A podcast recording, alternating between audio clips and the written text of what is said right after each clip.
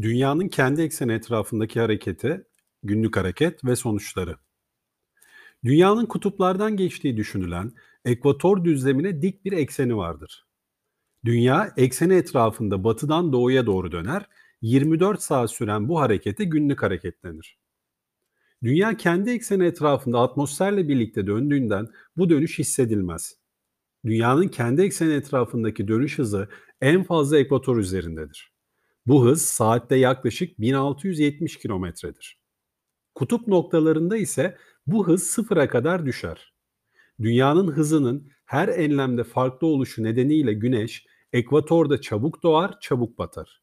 Kutuplara doğru gidildikçe güneşin doğuş, tan ve batış grup anlarında geçen süre uzar. Dünyanın kendi ekseni etrafındaki hareketinin sonuçları Dünyanın kendi ekseni etrafındaki hareketi sırasında gece ve gündüz birbirini takip ederken güneş ışınlarının yeryüzüne düşme açıları da gün içinde sürekli değişir. Güneş ışınları sabah ve akşam vakitleri küçük açılarla, öğle vakti ise dik veya dike yakın açılarla düşer. Buna bağlı olarak cisimlerin gün içindeki gölge uzunlukları değişir. Gölge boyları sabah ve akşam saatlerinde uzun, öğle vaktinde kısadır. Yine güneş ışınlarının düşme açısına bağlı olarak günlük sıcaklık farkları oluşur. Bunun sonucunda kayaçlarda fiziksel ayrışma, günlük basınç farkları ve meltem rüzgarları oluşur. Dünyanın günlük hareketine bağlı olarak sürekli rüzgarların ve okyanus akıntılarının yönlerinde sapmalar olur. 30 derece ve 60 derece enlemlerinde dinamik basınç kuşakları oluşur. Dünya kendi ekseni etrafında dönen bir küre olduğu için onun üzerinde serbest hareket eden bir cisim ve rüzgarlar kuzey yarımkürede geldikleri yönün sağına, güney yarımkürede ise soluna sapar. Bu sapma kuvvetine Coriolis ya da merkez kaç kuvveti denir. Bunun sonucunda sürekli rüzgarların ve okyanus akıntılarının yönlerinde sapmalar meydana gelir.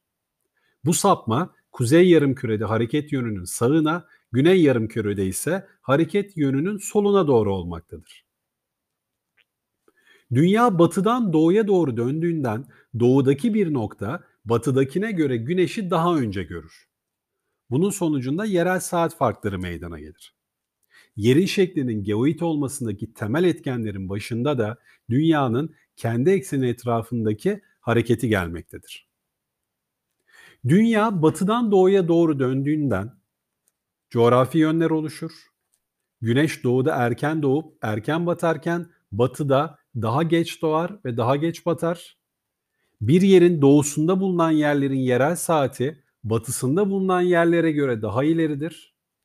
Cisimlerin gölgesi sabah saatlerinde batı ya da batı yönlerine, akşam saatlerinde ise doğu ya da doğu yönlerine doğru düşer. Sürekli rüzgarlar ve okyanus akıntıları kuzey yarımkürede hareket yönünün sağına, güney yarımkürede ise hareket yönünün soluna doğru sapar.